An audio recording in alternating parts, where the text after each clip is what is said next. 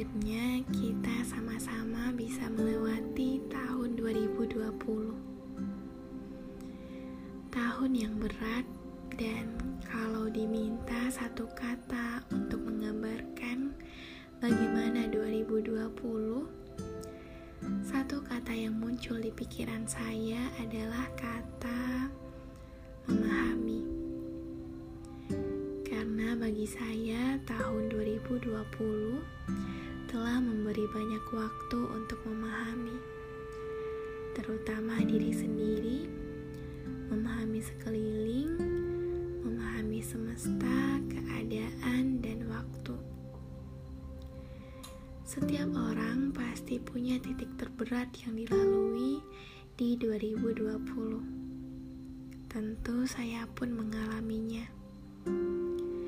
Salah satu titik terberat yang saya alami di 2020 adalah saat dihadapkan dengan kehidupan pasca kampus setelah lulus di tengah masa pandemi ini cukup mengejutkan dan bisa dibilang di luar dugaan dan rencana sebelumnya.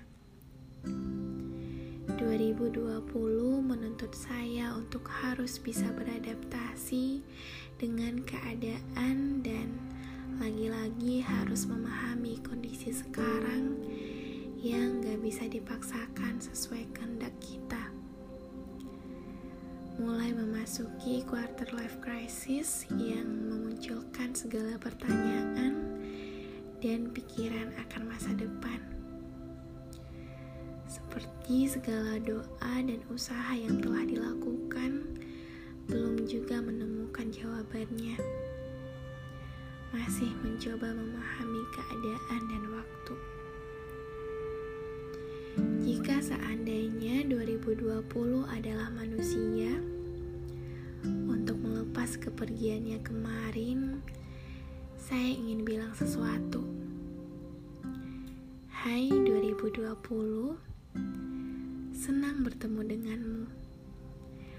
Walau banyak sekali rasa yang kau hadirkan sejak awal kau datang, walau banyak sekali rasa sakit dan luka yang belum sempat sembuh saat kau datang. Namun, saya ingin berterima kasih karena berkatmu, saya menjadi lebih bisa untuk memahami. Memberi saya lebih banyak waktu untuk belajar banyak hal, hingga memahami kekuatan doa dan kuasa semesta.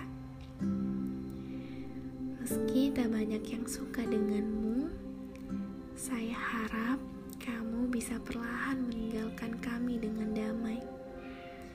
Saya berharap ada banyak kabar baik dan bahagia setelah kepergianmu. Selamat tinggal.